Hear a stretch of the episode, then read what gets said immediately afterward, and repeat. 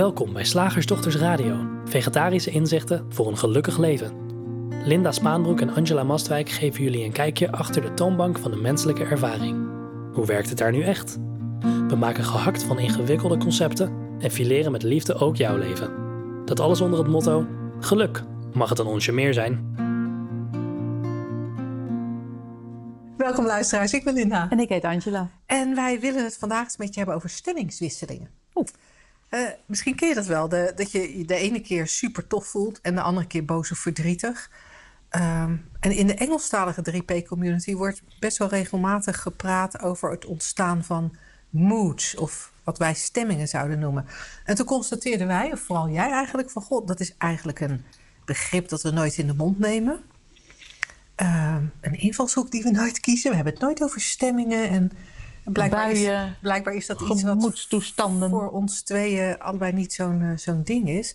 Maar het kan wel een heel zinvolle, zinvolle invalshoek zijn om meer begrip te krijgen in de drie principes.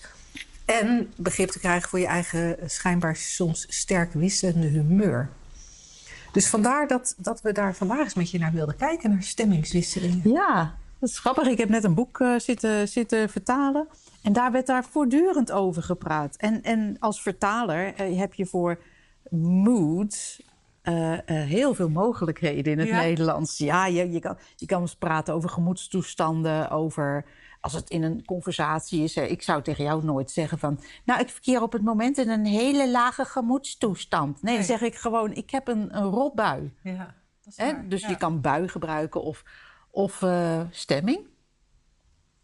Van, van, ja, nou ja, ik weet niet, maar uh, ja, ik heb niet zo'n fijne stemming vandaag of zo. Dus je kan daar heel veel kanten mee op. En om, omdat ik dat boek aan het vertalen was, humeur, dacht ik...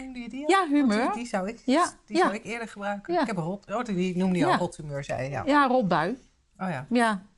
Dus uh, buihumeur, stemming, gemoedstoestand... Dat, dat zijn allemaal uh, woorden die. Uh, en dat is dan leuk als vertalen, want dan moet je steeds een beetje aanvoelen: ja, is dit een gesprek tussen vriendinnen? Ja, dan gebruik je geen gemoedstoestand. Is dit een lezing van een professional? Want dat staat ook in dat boek. Ja, dan gebruik je gemoedstoestanden.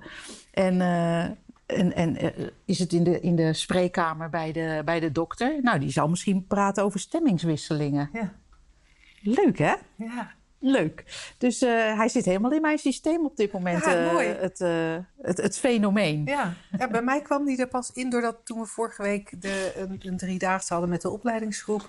Iemand het ineens had over, ja, maar ik heb altijd van die wisselende stemmingen gehad. En toen reageerde jij van, oh, maar daar, dat is een woord wat we eigenlijk nooit ja. gebruiken. Wat, waar wij het wel vaak over hebben is dat... Um, je je het ene moment zo kan voelen en het andere moment ja? zo kan voelen. En je een bepaalde manier voelen is natuurlijk ook weer een ander woord voor humeur of, of ja. gemoedstoestand. Um, en wij gebruiken ook wel eens de, een, een andere um, het term van, oh, het kan zijn dat je bewustzijn wel eens vernauwd is. En dan dat, dat, dat, hè, dus dan zeggen we, dat, dat focust zich dan alleen op het probleem. Nou, kan je garanderen dat je dan geen fijne gemoedstoestand hebt. nee. Nee, en, en, en, waar, en waarom wij dachten, het is wel is interessant om er naar te kijken. Omdat als je, als je kijkt naar het begrip stemmingen, en dat kan ook gewoon uh, je humeur zijn. Hè? Maar we gebruiken voor deze uitzending even het woord stemmingen. Mensen schrikken van, lijkt het alsof mensen schrikken van wisselende stemmingen. Ze vinden er in elk geval wat van. Het lijkt alsof er een soort mythe heerst dat je een soort, uh, ja, eigenlijk altijd een beetje in dezelfde stemming moet zijn, dezelfde gemoedstoestand.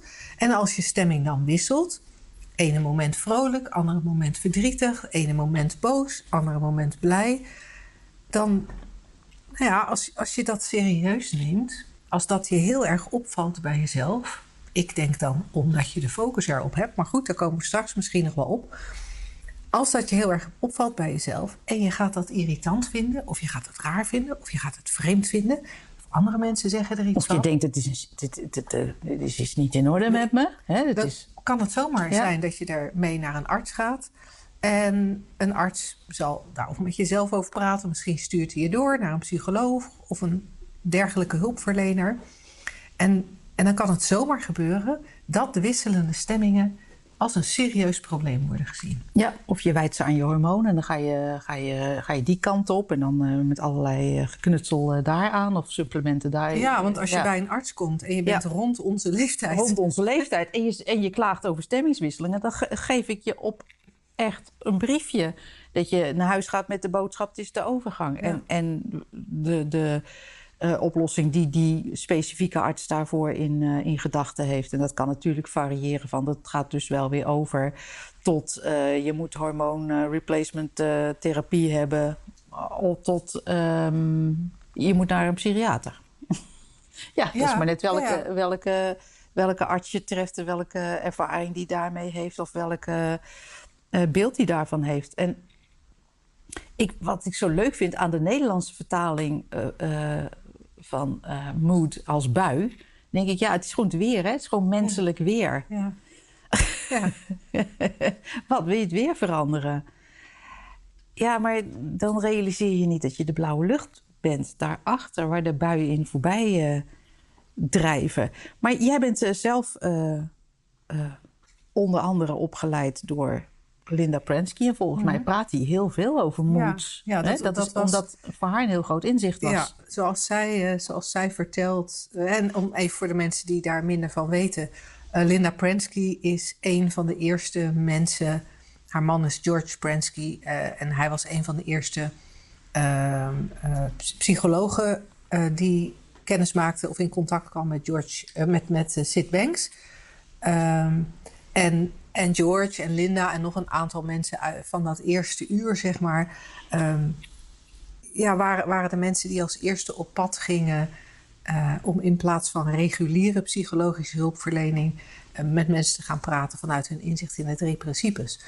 En Linda's eerste inzicht was de, nou ja, dat ze ineens herkende dat haar moed, wij zouden zeggen haar buien, dat, die, dat dat ook denken was. Ja. Dat met het, met het wisselen van haar denken, met, het, met, met, met andere gedachten, was er een andere bui. En zij ging ook herkennen dat omdat denken zo vloeibaar is en steeds verandert, dat als zij zich er niet mee bemoeide, dat haar moed vanzelf veranderde. En dat was buitengewoon opzienbarend, want tot die tijd schrok ze zich elke keer te pletter als ze een moed had uh, die, die minder positief was. Ik meen mij te herinneren dat het bij haar vooral om, om een soort narrigheid ging. Een soort, soort combinatie tussen somberheid en bozigheid. Um, waarvan zij beschrijft dat dat voor haar omgeving ook niet altijd even fijn was. Uh, maar ze ging herkennen, oh, het is denken. Mijn mood, mijn stemming is niet afhankelijk van wat George, mijn partner, doet. Het is niet afhankelijk van wat mijn kinderen doen. Het is niet afhankelijk van wat dan ook. Het is puur denken hier in deze ervaring. Nou, dan zou je kunnen horen. Dan moet je dus je denken veranderen. Ja, nee. Maar dat is eigenlijk niet, dat is eigenlijk niet wat, wat, wat zij herkende. En dat is ook niet de boodschap van Sid Banks. En dat is ook niet wat wij hier proberen over te brengen.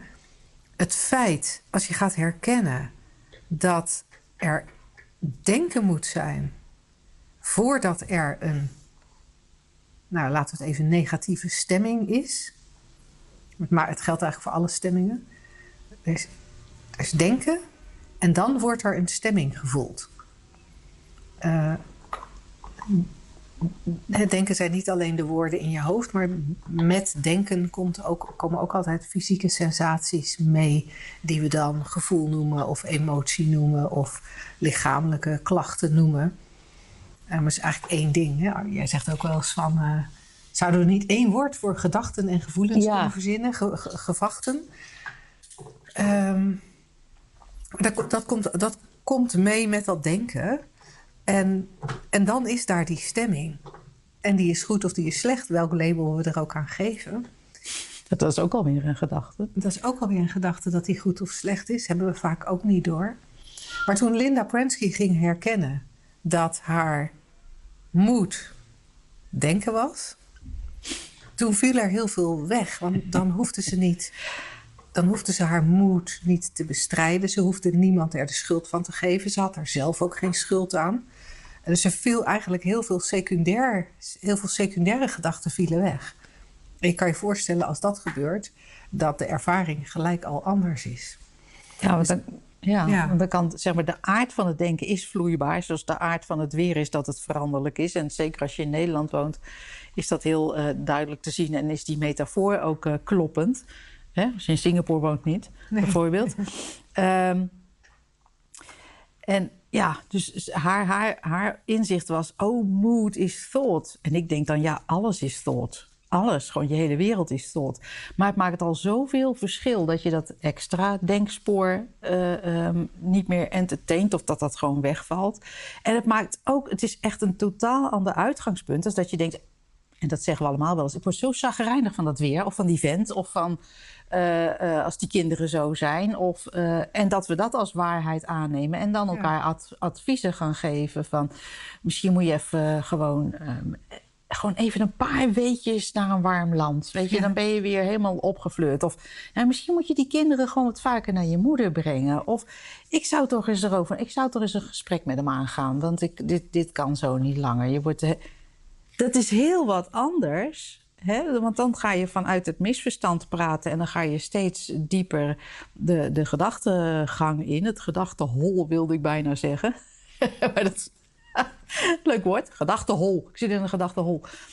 Terwijl als je realiseert, oh, it's thought, en dat kunnen we ons bij alles realiseren. En niet als een bypass om ni- niks meer te voelen of zo.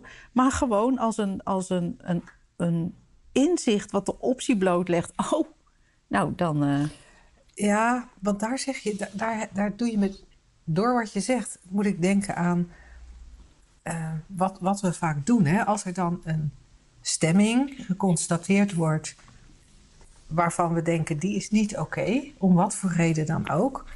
Nou, ten eerste gaan we hem verklaren, die stemming. En dan Ja. wijzen we altijd iets in de buitenwereld aan. Nou, laat ik zeggen, we wijzen altijd iets in de vorm aan. Soms Ja. wijzen we ook iets aan, een, een herinnering. Iets aan wat of hormonen. of hormonen. Maar altijd iets in de vorm wijzen we aan. Dat krijgt dan de schuld. Niet dat denken. En ehm, wat, wat er ook altijd gebeurt, is dat de stemming, of altijd, dat is niet waar, maar de stemming mag er niet zijn. We hebben een, een, een, een scheiding gemaakt tussen toegestane stemmingen Ja. en niet toegestane stemmingen. En, eh, en die is ook nog eens redelijk persoonlijk, want als ik, als ik kijk naar mijn moeder, mijn moeder vindt als zij jolig en blij is, dat is voor haar een heel erg toegestane stemming. Oké. Toen ik een jaar of 10, 12 was en mijn moeder was in een jolige stemming, dan vond ik, daar, vond ik dat helemaal niet een oké stemming. Want dan ging ze dansen op straat midden in Den Haag. Dat vond ik als meisje van 12 niet oké dat ik daar dan naast liep. En, ehm, en maar we, dus, dus wat we aanwijzen als oké stemming en niet oké stemming is ook nog eens per persoon verschillend. Ja. Maar voor onszelf hebben we over het algemeen wel een vrij duidelijke scheidslijn. Ehm, verdrietig mag tot een zekere mate. Het mag niet te erg worden en niet te lang duren. Eh, boos nou, mag misschien bij veel mensen niet. Eh, echt, echt somber. Ja, dat is ook een gevaarlijke. Ja, nee, daar moet je weer uitkijken hoor. Daar moet je voor Voor je het uitkijken. weet je depressie. En dan aan de andere kant vrolijk, blij, gelukzalig, ontspannen. Dat zijn stemmingen die mogen wel. En, en dan gaan we streven naar het ene niet, de ene categorie niet en de andere categorie wel. en het lijkt wel alsof door dat streven juist ontstaat dat dat wat we niet willen langer in stand blijft Ja. want, want, en dan kom ik graag terug op jouw weeranalogie. Het is nu vandaag, als wij uit het raam kijken terwijl we deze opname maken, het is een grijze lucht. Ik weet van daarnet, voordat het kantoor binnenkwam, dat het wel een redelijke temperatuur is, maar het is een grijze lucht. Als dit weer, daar kan ik iets van vinden. Zou kunnen. Ik vind de temperatuur wel oké, maar ik vind het een beetje Ja. benauwd en ik vind het te somber. Als de zon schijnt, is dat beter. Dat mag ik vinden. Tuurlijk. Mag. Maar wat er vaak gebeurt als het om dat innerlijke weer gaat, dat we dan gaan zeggen: ja, nou, het is dus weer bewolkt. Eh, hoe kom ik nou toch van die bewolking af? Terwijl als we zo'n conclusie doen bij het echte weer daarbuiten, ja, de meeste van ons zullen denken: oké, ja, nou, misschien kan je er even 30 seconden iets van vinden. En daarna ga je door met je leven. Maar bij stemmingen, bij dat innerlijke weer, gaan we over het algemeen niet door met ons leven. Dan gaan we tegen elkaar zeggen: zie je die bewolking? Dus alweer bewolking, hè? Ja. Ja, dan ga je een soort meerennen met de bewolking, zodat, hij, zodat hij altijd boven jou blijft. Ja, ja, ja maar dat is. Ik, vorige week had je het ook al, hè, bewolking. Ja. Ja, ja ik denk toch ook. Um, Zou het nog overgaan? Daar ben ik dus bang voor. Hè? Dat het, het lijkt wel alsof het steeds vaker bewolkt is in mijn leven. Ja. ja, en je wilt toch graag die zon zien, hè? Ja. Ja, ja je kan, ze kunnen me allemaal wel vertellen van dat hij erachter schijnt. En dat zal dan wel. Maar uh, ik voel hem niet, hoor. Ik voel hem niet. En, en het lijkt ik denk dat we samen naar de psycholoog moeten. En het lijkt wel alsof als we, als, we, als we die kant opkijken, opdenken, op redeneren... En met zoveel focus op wat we niet willen, wat, waar, waar, omdat we denken dat het allerlei schadelijke gevolgen kan, uh, kan hebben voor onze toekomst en ons leven. En misschien nog wel erger wordt. En weet ik wat we er allemaal precies over denken. Ja, het is net als dat we meteorologie gaan bekijken. Ja, maar dat komt, er is een lage drukgebied of een hoge druk. Ik heb daar totaal geen verstand van. En uh, nou ja, dat komt dus uit. Uh, uit Rusland. Mm-hmm. En uh, ja, zolang dat dus die wind zo staat en met, met allerlei atmosferische invloeden, ja, dan houden we dus uh, deze. Ja. Nou, dan heb je het heel goed verklaard misschien. Alleen heb je natuurlijk geen reet aan, want het is gewoon bewolkt. Ja, en dat. Ik vind het een mooi voorbeeld, omdat dat is natuurlijk wat we ook doen als, we, als, er, als er een stemming is die ons niet bevalt. Uh, dan, dan gaan we daar verklaringen voor zoeken die, die niet wegnemen dat je nu niet in een fijne stemming bent.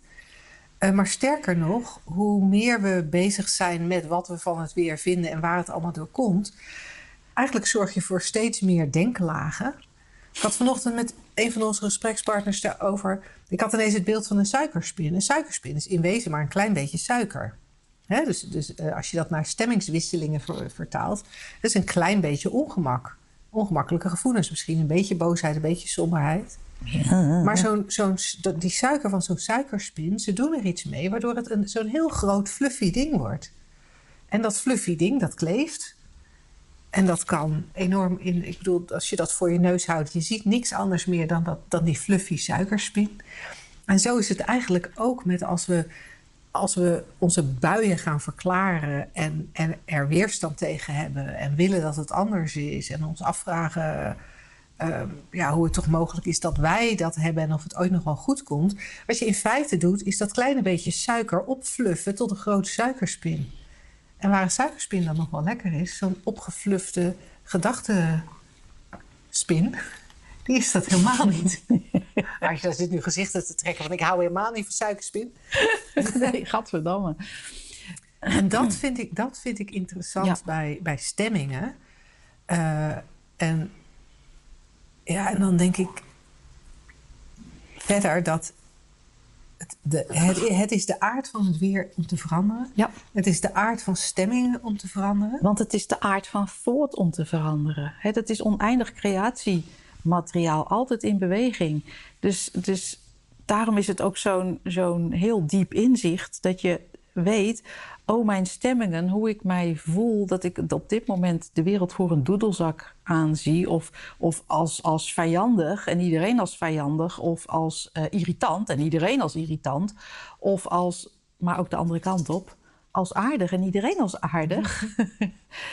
oh, dat is gewoon beweging van denken niet specifiek mijn gedachten. Hè, want dan ga je weer denken: ja, nee, maar ik dacht niks en ik werd gewoon wakker met een, met een, met een rot humeur. Uh, maar dan heb je het over de zinnetjes in je hoofd. Maar thought is gewoon de, totaal, de totale creatie. Dus, oh, mood is ook thought, is hetzelfde zeggen als: oh, mijn lichaam is ook thought. Oh, oh, de hond is ook thought. Oh, ik ben ook thought. Oh, de hele wereld is thought. Ja, inderdaad. Maar zo op het gebied zo van stemmingen, buien en uh, andere dingen, um, hoe noemden we ze nog meer, gemoedstoestanden, is het gewoon heel handig om, om je dat te, te realiseren. Want ja, we weten allemaal wel, als je in een, in een kwaaie bui bent, dan, dan heb je een bril, wij noemen dat ook wel een belevingsbril. Dat kan je ook eigenlijk vergelijken met een gemoedstoestand of met een bui. Ja, dan is gewoon alles gewoon. Ja. En ben je woehoe, verliefd, tada, on top of the world. Dat is alles roos. Zie, zie je alles door een rooskleurige Oh, bril. mijn auto gaat stuk. Nou, geef niet. Geeft niks, wel niks. Goed. Oh, dan kan hij me ophalen.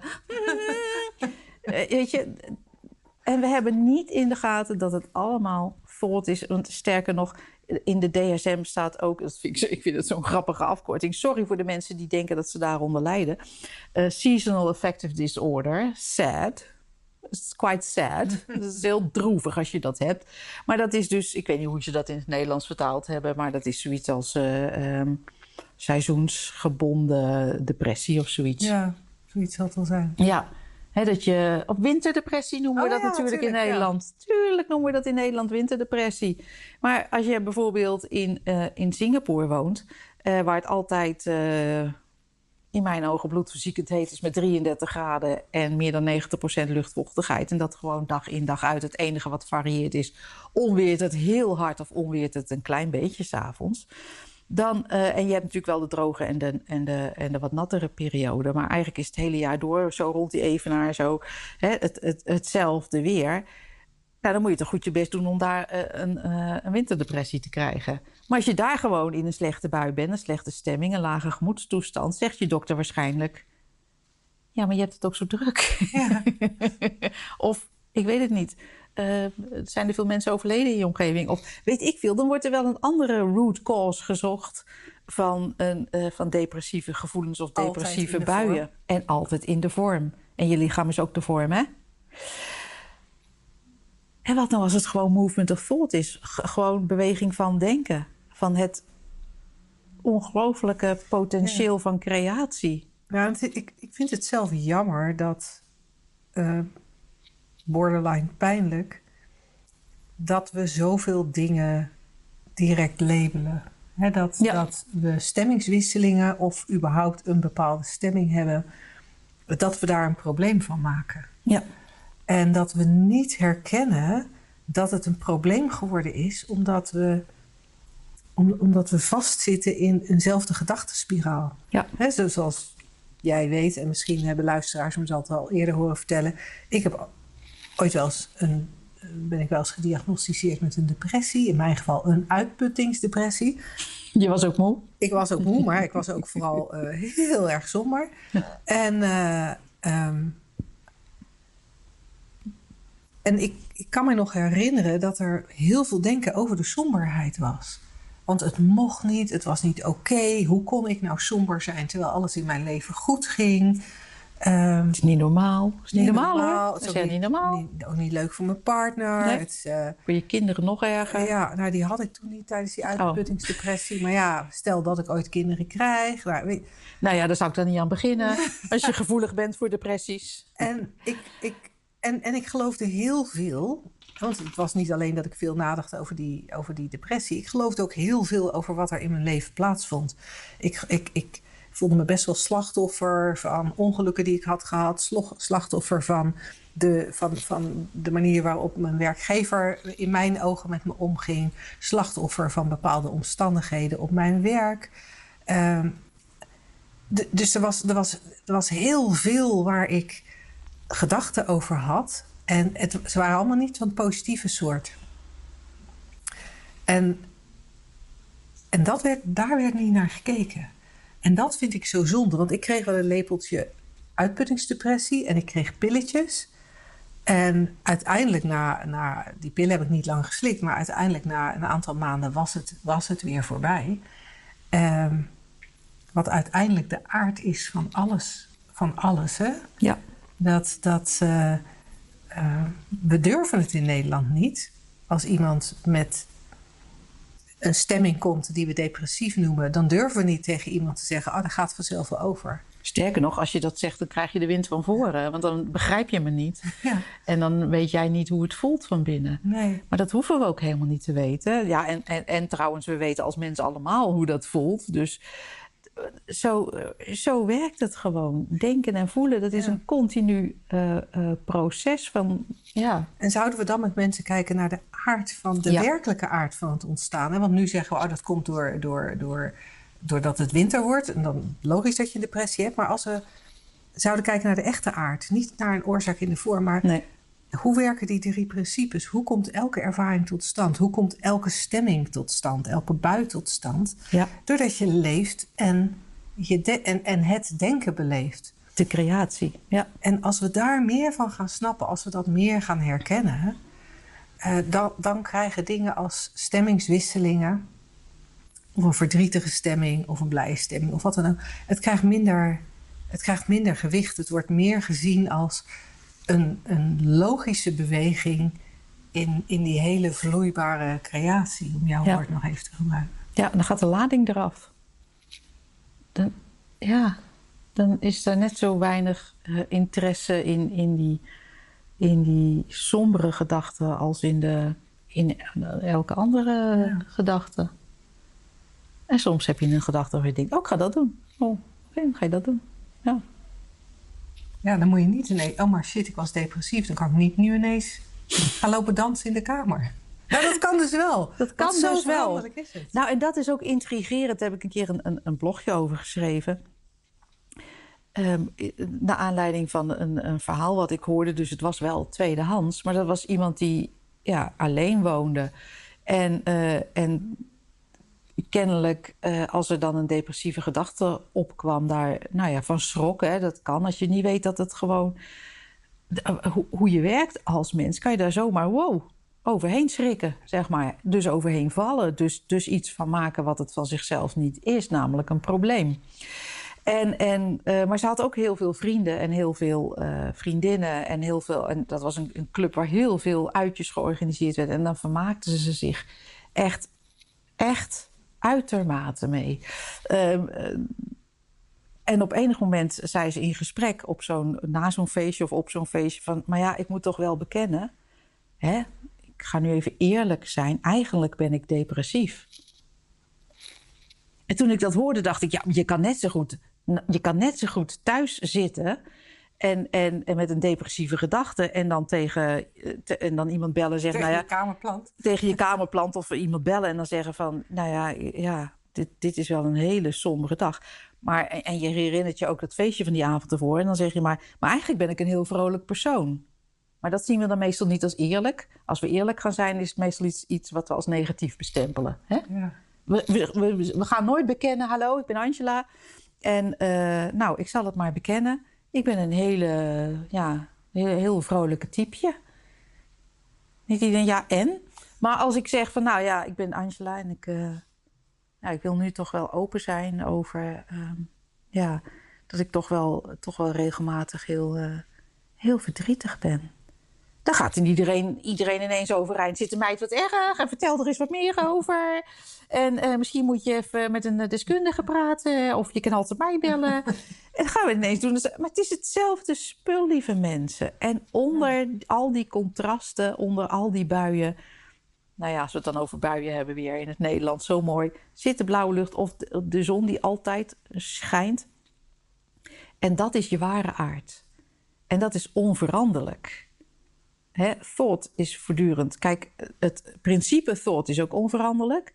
Maar hoe het manifesteert, hoe het leeft door jou heen, om zo maar even te zeggen, dat is veranderlijk. En ik ben heel benieuwd wie er nu luistert en denkt: ja, maar bij mij niet. En dat niet herkent als ook maar gewoon een gedachte. Een vrij sombere gedachte. Daar horen we graag de vragen van in een volgende uitzending. Ja, heel graag. Je kunt ze sturen naar vragen.slagersdochters.nl of naar vragen... eh, nee, welkom at shiftacademy.nl. Kies een van de twee. Het komt allemaal in dezelfde inbox terecht. En dan gaan we een van die vragen die we al binnen hadden gekregen even beantwoorden. Zeg, slagersdochters, hoe bak ik die vega-burger? Over naar de luisteraarsvraag. De vraag is anoniem en luidt. Ik zit in de zorg, dus ik kan niet even mijn patiënten aan hun lot overlaten om een momentje voor mezelf te nemen. Ik wil goede zorg geven en ik zie niet hoe dat in de huidige werkomstandigheden van personeelstekort en bezuinigingen samen kan gaan met mijn eigen welzijn of lichtheid. Het is gewoon zo zwaar. Hoe blijf ik dan zicht houden op mijn welzijn? Wat een mooie vraag. Ja, hij klinkt als Ja. van het congres of naar Ja. aanleiding van het congres. Ja. En ja, wat ik. Kijk, op dit moment zijn er natuurlijk uh, heel veel. Um, vorige week was volgens mij, of die week ervoor, weet ik niet. De week van het werkgeluk. Oh ja, daar heb ik, ik denk vorige week. Ik heb er ja. iets over gezien. Ja. En ik kan mij voorstellen dat dat, dat zijn geen principe gebaseerde uh, uitgangspunten. Hè? De meeste mensen die over werkgeluk praten. Dus ik kan me voorstellen als je daarnaar luistert. Werkgeluk, hè, nou hoe vind je dat? Uh, daar wordt gezegd, er worden allerlei omstandigheden genoemd. En misschien ook, hè, zoals de, de, de vragensteller, van, uh, dat je af en toe een momentje voor jezelf moet nemen. En dat kan in jouw geval helemaal niet. En dat je dan, dat je dan ook denkt, nou, ik ben dus fucked. Want al die adviezen die ze geven over werkgeluk, bepaalde, nou ja, iets met je collega's waar je helemaal geen tijd voor hebt om mee te praten. Of misschien iets, nou ja, ander, iets ergonomisch of zo. Terwijl je denkt, ja, ik moet die patiënten toch uit bed tillen. Hoezo? Uh, en, en we hebben hier uh, geen, niet, weet ik veel. Dus, ik overigens dus, in het onderwijs ook, hè? Als je ja. in een klas met kleuters staat, ja. heb je ook geen moment voor jezelf. Nee, nee er is altijd een kleuter die iets aan je vraagt. Of in zijn broek poept. Ja. ja. Dus dan, dan wordt dat, ja, zo'n idee als werkgeluk en de adviezen die daarbij gegeven worden, met alle respect en uh, um, prima als je het doet, um, iets wat een van onze oud-studenten noemt werkgelul. Voor jou. Ja, dus ik, ik wilde net nog zeggen, de enige die ik, de enige 3P-facilitator die ik erover heb horen praten, die noemde het geen werkgeluk, maar werkgelul. Ja. ja, want het is allemaal, gaat het uit van een outside in uh, gebaseerde ervaring. En ja, wat ons betreft, en dat is waarom je misschien naar deze podcast luistert, werkt het andersom. Want eh, het ophelderen van hoe het, hoe het werkt kan enorm verschil maken in je leeftijd. Nou, uh, in je leeftijd, in je leven. hoe kom ik nou? ik voel me ineens zo jong. ik ben heel jong geworden van de drie principes. Maak enorm verschil in mijn leeftijd. Terug naar de vraagsteller of stelster. Um, vergeet even alles wat je verteld wordt over werkgeluk en hoe jij je welzijn zou moeten vinden. Want kennelijk heb je gemerkt dat is, dat werkt niet. En wat wij voorstellen is dat het ware geluk, je ware welzijn ook, hè, want jouw vraag gaat over, over welzijn. Um, jouw eigen welzijn, die zit onder alle tegenstellingen. Dat, dat is eigenlijk de bron van die ideeën van dit is slecht en dit is goed. Het is de, de, de achtergrond van zwart en wit en hoog en laag en jij en ik. Het is dus eigenlijk, ja, hoe moet je het noemen? Je kan het je essentie noemen.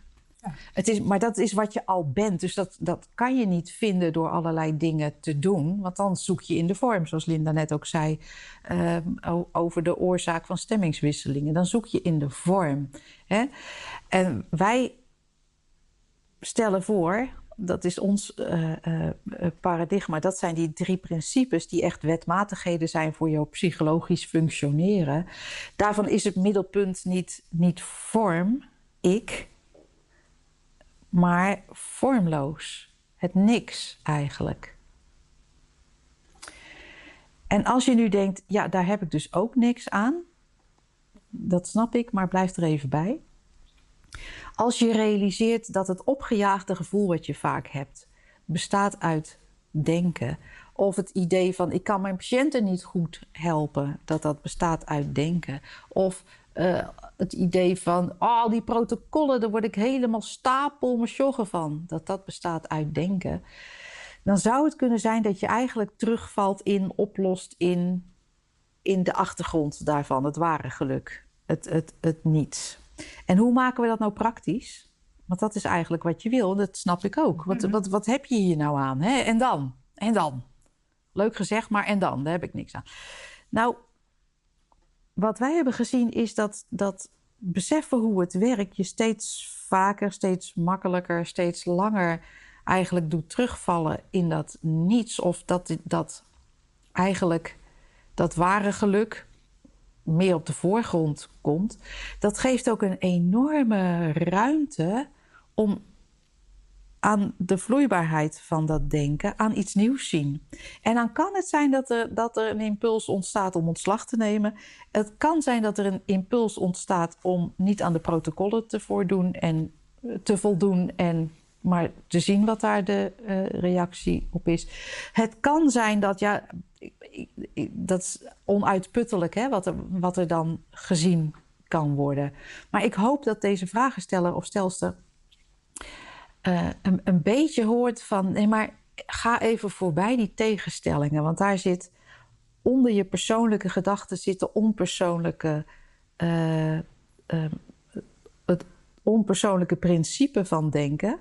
En dat is niet alleen onpersoonlijk, maar ook eindeloos. Zo'n persoonlijk denkspoor over jouw werk en over jouzelf functionerend daarin, dat is een enorme ja, gedachtegang die, die voor jou, als ik het mag interpreteren, en misschien zit ik er helemaal naast, voor, voor beklemming zorgt en weerstand. Maar onder dat achter en onder en in dat persoonlijke zit ook dat onpersoonlijke en dat is eindeloos. En dat kunnen we met ons persoonlijke denksysteem niet bedenken, wat daar allemaal voor nieuws te vinden is. Hè? Voor nieuwe gedachten, voor nieuwe impulsen. Van, oh, maar zo kan het ook. Oh, maar dit zou ook. Oh, maar dit kan ik ook. Het is gewoon eindeloos, eindeloos. En dat is zo'n andere richting dan die gedachtegang proberen om te leggen of een andere te graven of uh, op te leuken. Hè? Ja, want ik, ik denk dat we vaak helemaal niet beseffen. Oh, je zit mondschroepen. nee, ik stond op zijn staart en hij... Oh. er sprong ineens een hondje heel erg uh, verschrikt op. um, terug, naar, uh, terug naar de vraag over uh, je welzijn in de drukte. Wat, wat, wat ik interessa ook interessant vind om naar te kijken... is dat, we vaak, dat er vaak zoveel geloofd wordt dat je bijna door de boom het bos niet meer ziet. Dat er, en dan, dan, stel ik het dan stel ik me even zo voor en dan vertaal ik even een beetje van hoe, hoe ik werksituaties in het verleden wel mee heb gemaakt. Ik heb dan in het onderwijs gezeten, dat is ook een sector waar vaak veel werkdruk ervaren wordt. En als ik zag wat daar gebeurde, was dan.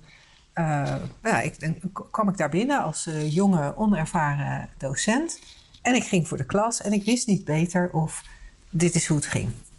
Ja. Dat je, ik merkte wel dat als ik dan voor zo'n klas stond, wow, het was wel een stuk intensiever dan alles wat ik daarvoor had gedaan. In de zin van dat ik, als ik voor de klas stond, leek het wel 100% aandacht moest hebben.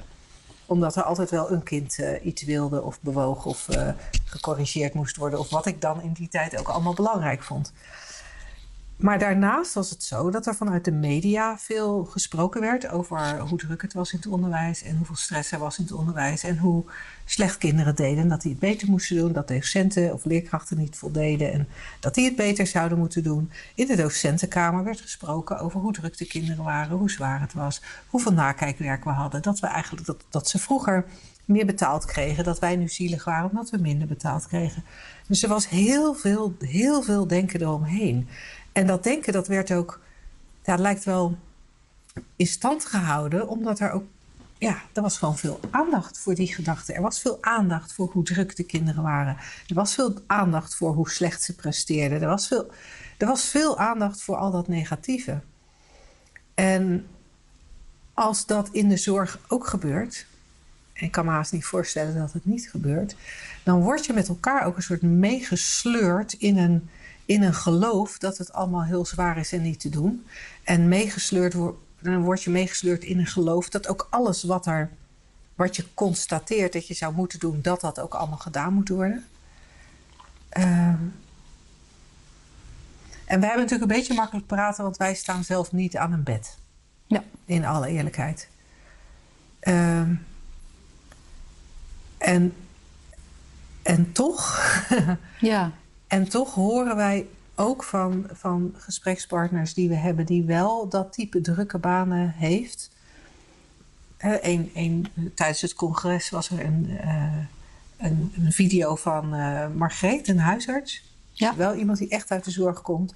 En die heeft heel erg het verschil gemerkt van hoe, hoe het leven en haar werk was. Voordat ze inzicht kreeg in de drie principes en daarna. En, en niet altijd, hè, want ze geeft aan. Soms gelooft ze weer even ergens in. En dan, en dan schiet ze weer een beetje in, in stress of in druktemakerij. Maar op heel veel momenten is er heel veel minder denken dan voorheen. En het grappige is dat als er minder denken is, dat handelen veel makkelijker gaat. En handelen kan ook zijn om iets heel bewust na te laten. Want ik kan me zo voorstellen dat in alle, alle zorg die je levert, uh, dat, dat er best dingen zijn die je na kunt laten. Bijvoorbeeld het, de verslaglegging. En, en misschien zeg je nu nee, want dat, dat is heel niet. belangrijk.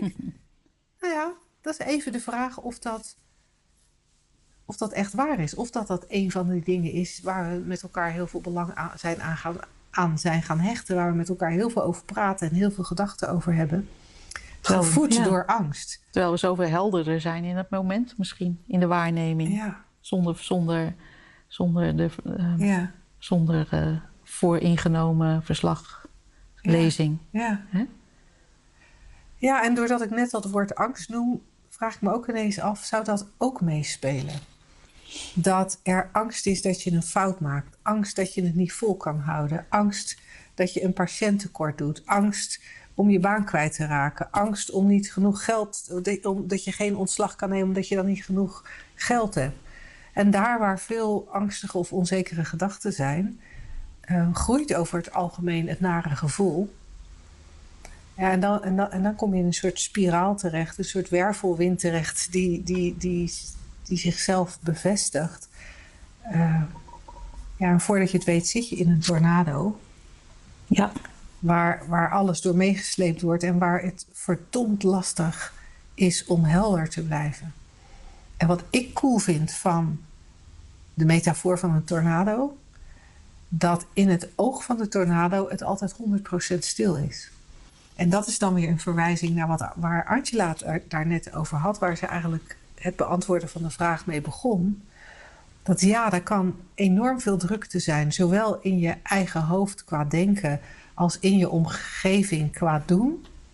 Maar in het oog van de storm is altijd jouw heelheid, is altijd jouw, jouw welzijn. rustpunt, je welzijn. Ja. ja, dat was natuurlijk de vraag welzijn. Maar dat, dat, dat is er altijd.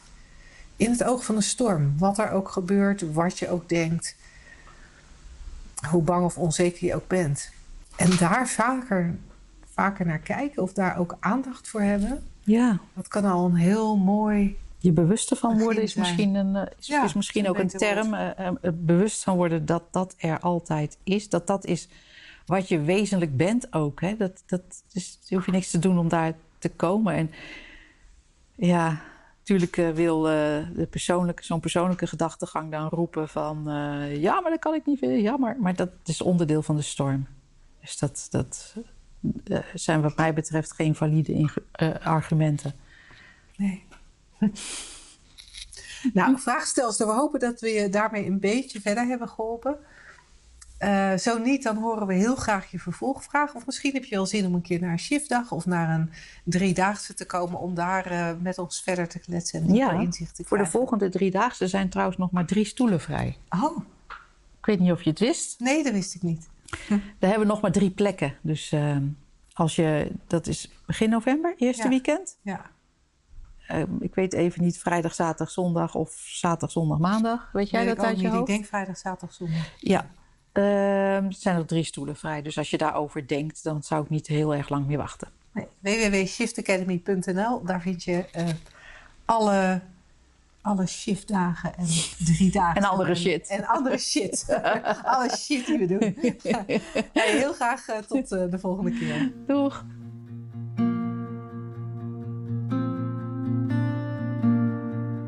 Trek in meer geluk? Download dan ons gratis e-book 3 principes voor geluk. Te vinden op www.slagersdochters.nl/gratis.